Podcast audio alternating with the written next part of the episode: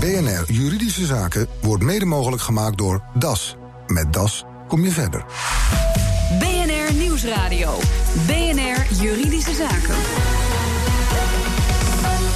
Ronald Olsthoorn. Goedemiddag. Vandaag gaan we het hebben over die zogenaamde rechters die durfden om een streep te halen door het inreisverbod van president Trump. Afgezien van een bloedstollend juridisch gevecht wordt nu ook de scheiding der machten danig op de proef gesteld in de Verenigde Staten. Straks mijn gasten daarover, maar eerst Nelleke.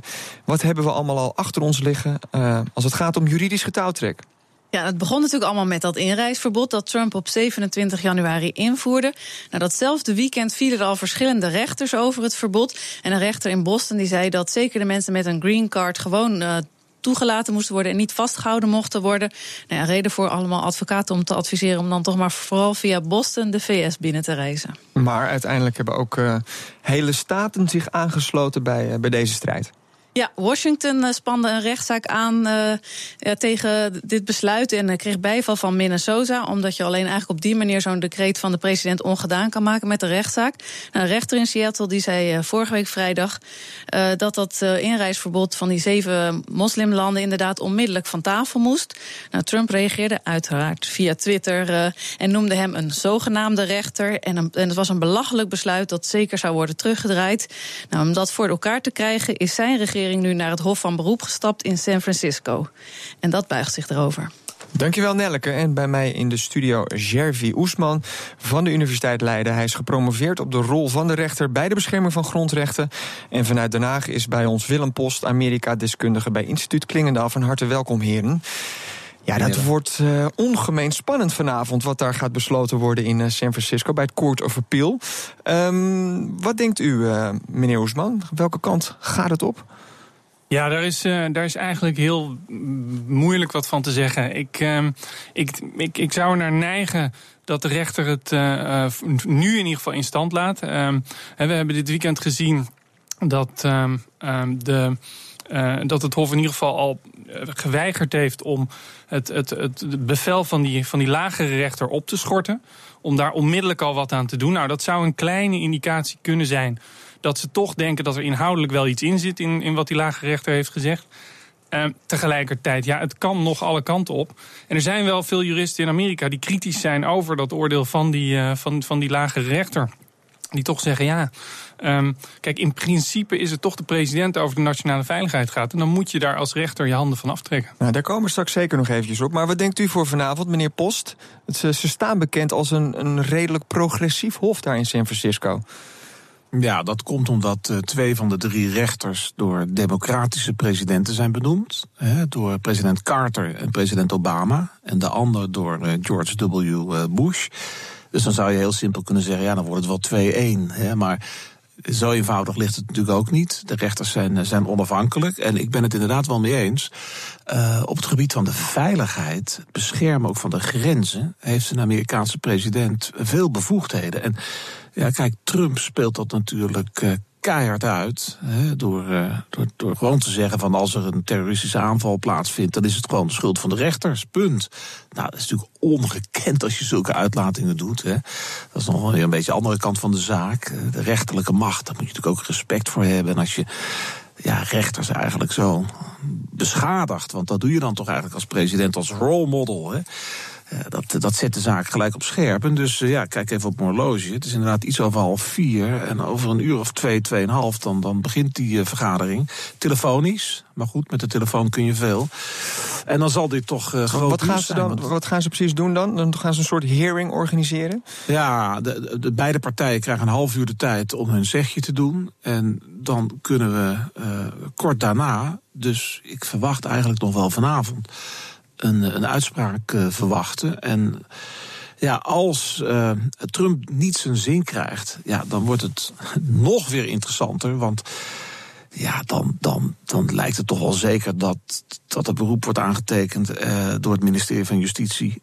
Eigenlijk door Trump dan natuurlijk. En dan gaat het waarschijnlijk direct naar het Hoge Rechtshof. En wat dat woordje direct dan inhoudt, ja, dat kan nog wel even duren dan. Ja, dan heb je helemaal een clash. En dat al in de eerste weken. Het gebeurt wel vaker hè, dat een president uh, ruziet met het Hoge Rechtshof. Zoals Franklin Roosevelt met zijn tweede New Deal plannen. Hè. Die wilde ook het Hoge Rechtshof naar zijn hand zetten. Dat was ook een, nou ja, een, een botsing tussen de uitvoerende en de rechterlijke macht. Maar nu al dit in het beginnende Trump-presidentschap. Ik noemde het vanmorgen in de Volkskrant adembenemend. Als we zo als toeschouwers kijken naar wat er aan de andere kant van dat land oceaan gebeurt. En, en mensen bemoeien zich er ook mee. Laten we voordat we te, te, te ver vooruit op de muziek gaan lopen, toch eventjes terug nog naar de, de eerste aanleg. In dit geval dus uh, rechter James Robert, uh, federale rechter in de staat uh, Washington. Die um, kort fragment die de jurist van het ministerie van Defensie een vraag stelt. How many arrests have there been of foreign nationals for those seven countries since 9/11? Your Honor, I don't have that information. I'm from the civil division. If that if that helps, get me off the hook, any.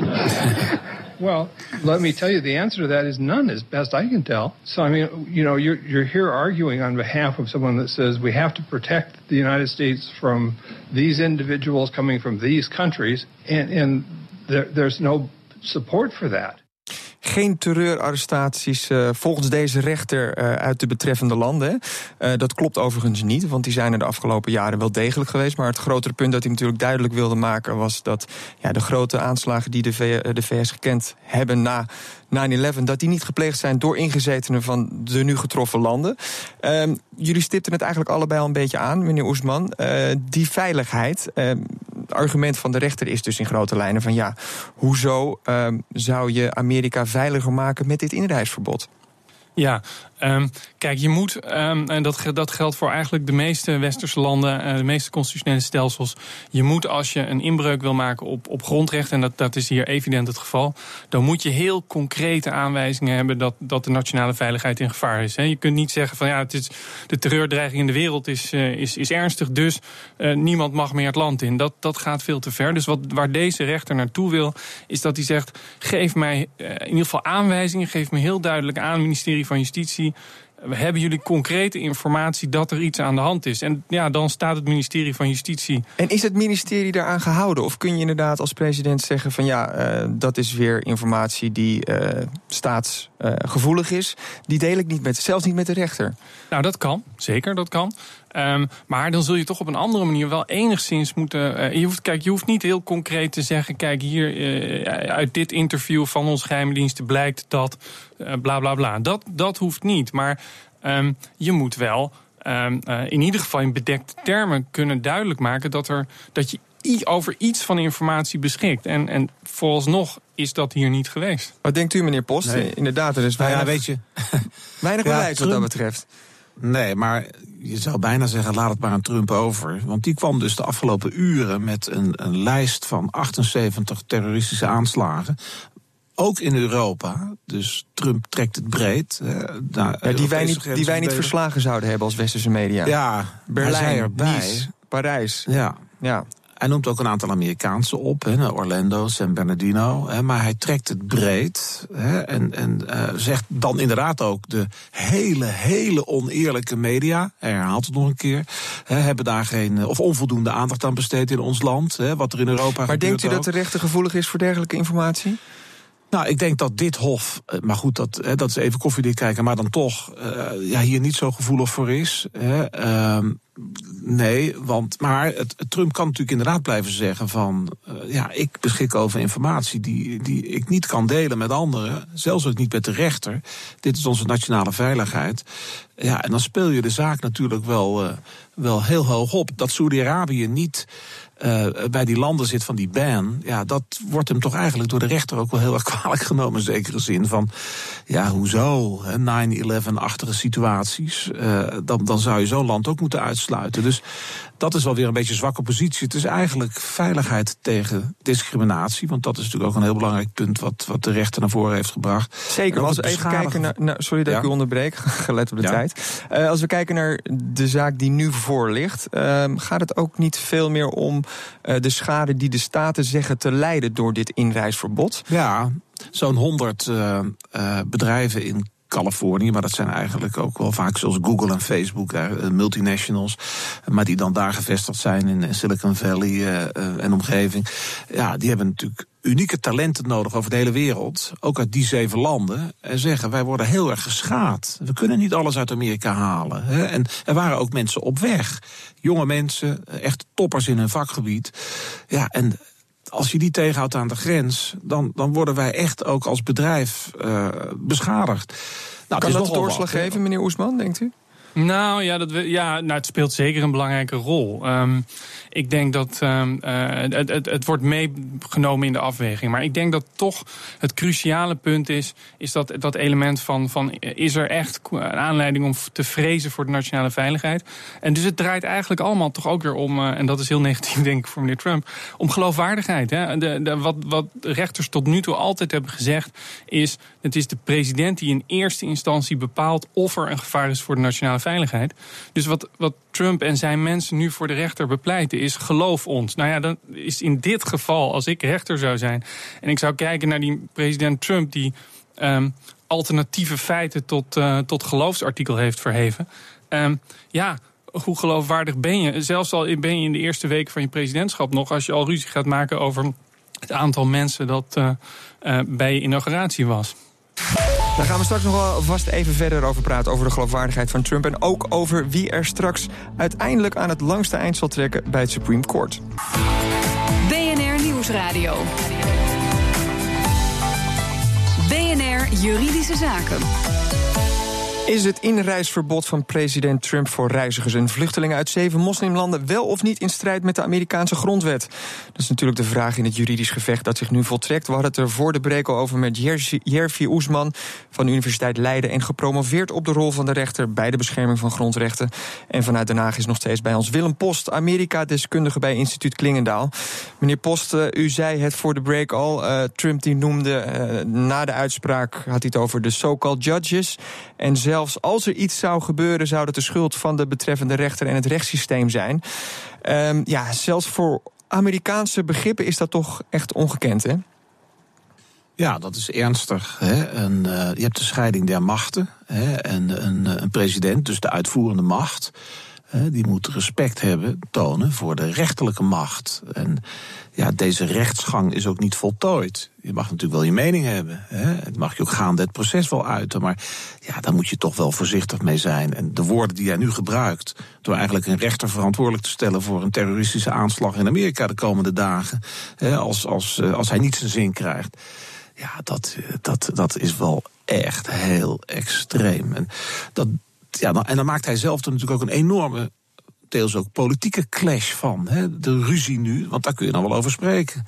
Maar wat betekent dat voor Amerika? Kunnen ze dat hebben daar? Kan het rechtssysteem dat hebben? Of het systeem van, uh, van de scheiding der machten?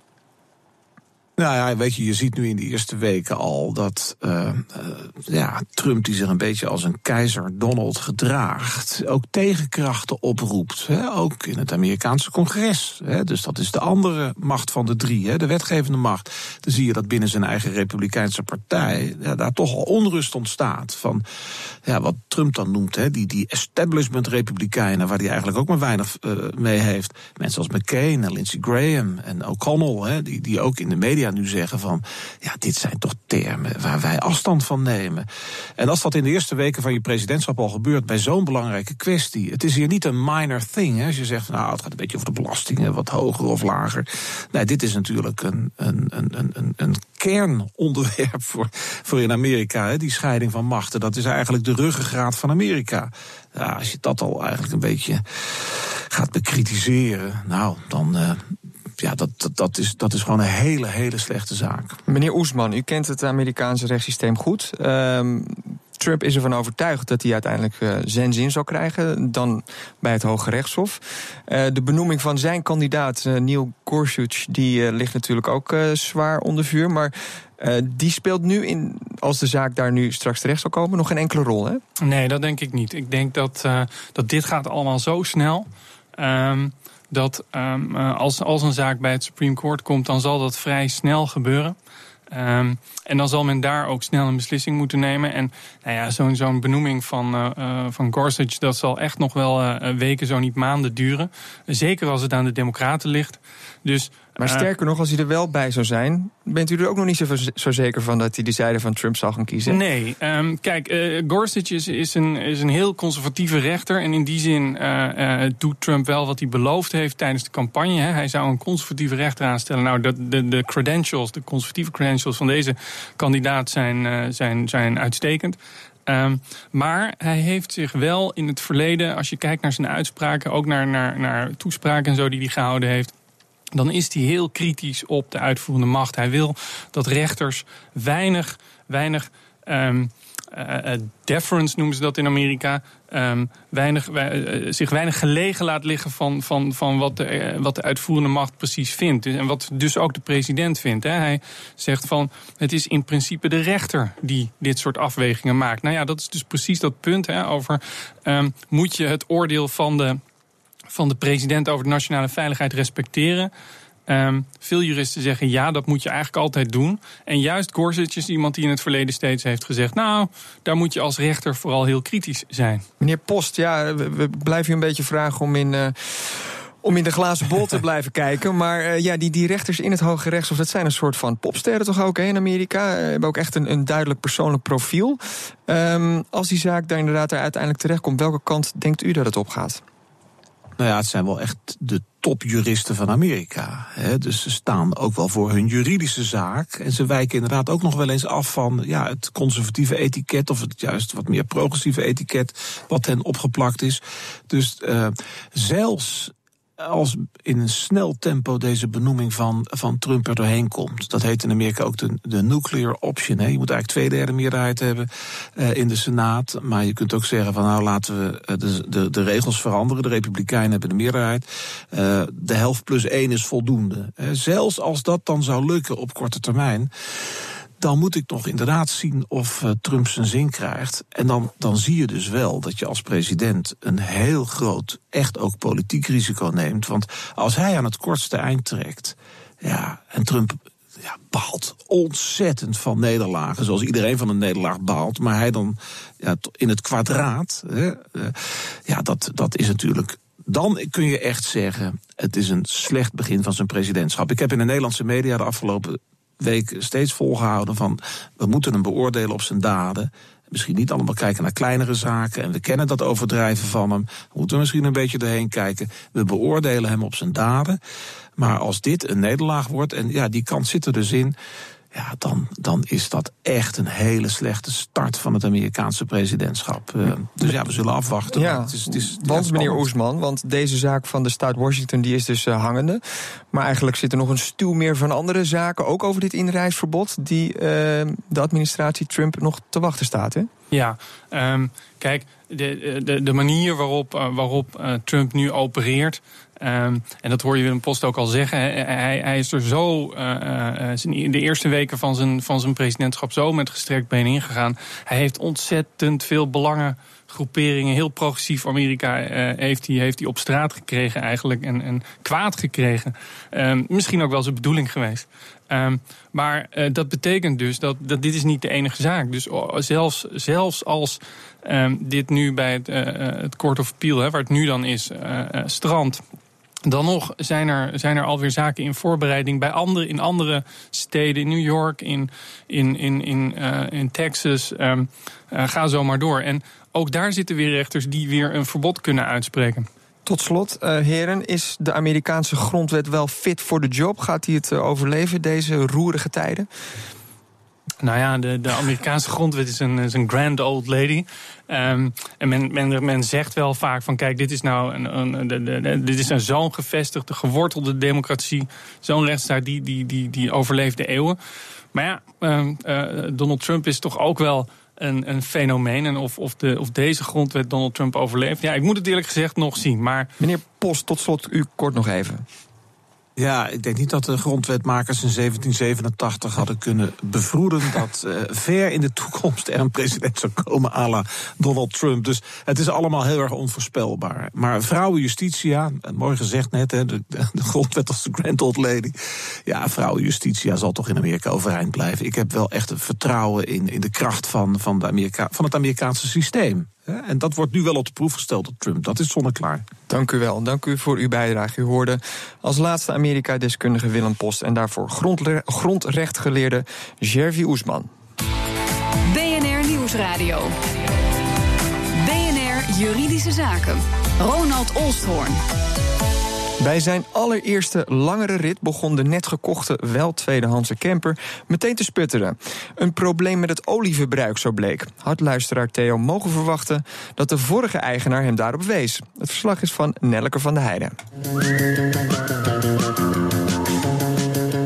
Groot, een mooie camper gekocht een paar maanden terug. Maar bij de eerste lange rit bleek er meteen een probleem met het roetfilter. Ja, inderdaad. Uh, nou is dat bij een diesel uh, gebruikelijk dat af en toe het roetfilter geregenereerd moet worden. Maar hij stopte er niet meer mee. We hebben aan de kant van de weg moeten zetten en uh, bij een garage moeten je afleveren. Die heeft het roetfilter geregenereerd en vond dat alles weer in orde was. En we zijn verder gereden uh, in België. Helaas uh, bleek het probleem zich weer te manifesteren. Plus dat de auto vond dat er nodig wat olie bij moest. Gelukkig waren we niet zo ver van die garage. We zijn teruggegaan. Die heeft olie uh, bijgevuld en die heeft uh, het filter opnieuw nagekeken en verzekerd dat er met het filter helemaal niets mis was. Het klinkt wel alsof het een structureel probleem is, als dat zich na een paar meter alweer manifesteert. Ja, sterker nog, het manifesteerde zich uh, onderweg naar huis uh, voortdurend. En hier ben ik naar mijn garage gegaan. Die zegt dat eigenlijk het hoofdprobleem olieverbruik van de auto is, waardoor het roetfilter verstopt en dan telkens moet regenereren.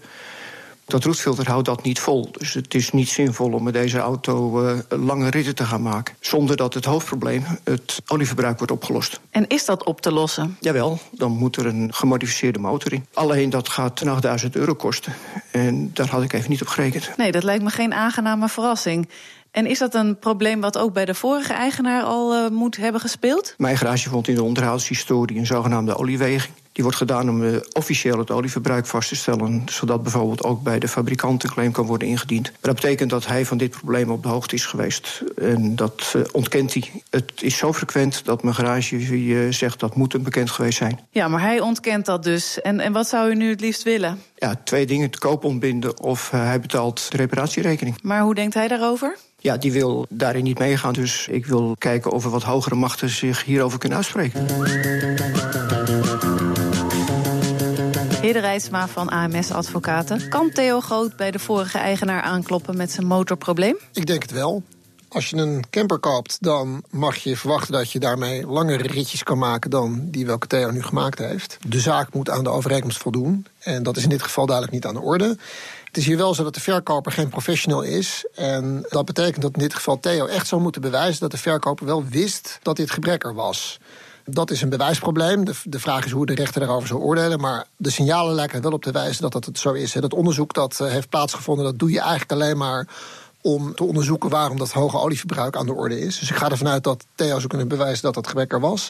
En dan kan hij dus inderdaad herstel van de motor, vervanging in dit geval van de motor vragen. Want dat is het enige wat mogelijk is in dit geval. En dan is het logisch dat de vorige eigenaar voor de kosten opdraait? Ja, dat moet de, de vorige eigenaar dan inderdaad doen. Moet hij dat dan gewoon doen en de rekening opsturen? Of hoe kan hij daar van tevoren zeker zijn dat hij ook echt betaald gaat worden door de vorige eigenaar? Hij moet de vorige eigenaar in de gelegenheid stellen, eigenlijk schriftelijk de gelegenheid geven dat herstel uit te voeren. En als de verkoper dat die gelegenheid niet te baat neemt, dan kan Theo dat herstel op kosten van de verkoper laten plaatsvinden. En eventueel helemaal de koop ontbinden? Dat kan ook. Maar daarvoor moet de verkoper wel in verzuim zijn. Dus dat betekent wel dat de verkoper een brief moet hebben gekregen waarin hij de gelegenheid heeft gehad om te herstellen. En pas als hij dat niet doet, of als hij al op voorhand aangeeft dat ga ik sowieso niet doen, dus een mededeling waaruit kan worden afgeleid dat de verkoper niet gaat nakomen, dan kan worden ontbonden.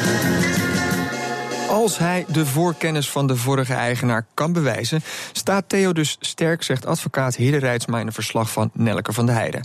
En heeft u zelf een juridische vraag, kan natuurlijk van alles zijn. Mail hem ons, het adres is juridischezaken.bnr.nl. Dit was de uitzending voor vandaag. Terug te luisteren via bnr.nl slash juridische zaken. Mijn naam is Ronald Olstorn. Tot de volgende zitting. BNR Juridische Zaken wordt mede mogelijk gemaakt door DAS. Met DAS kom je verder.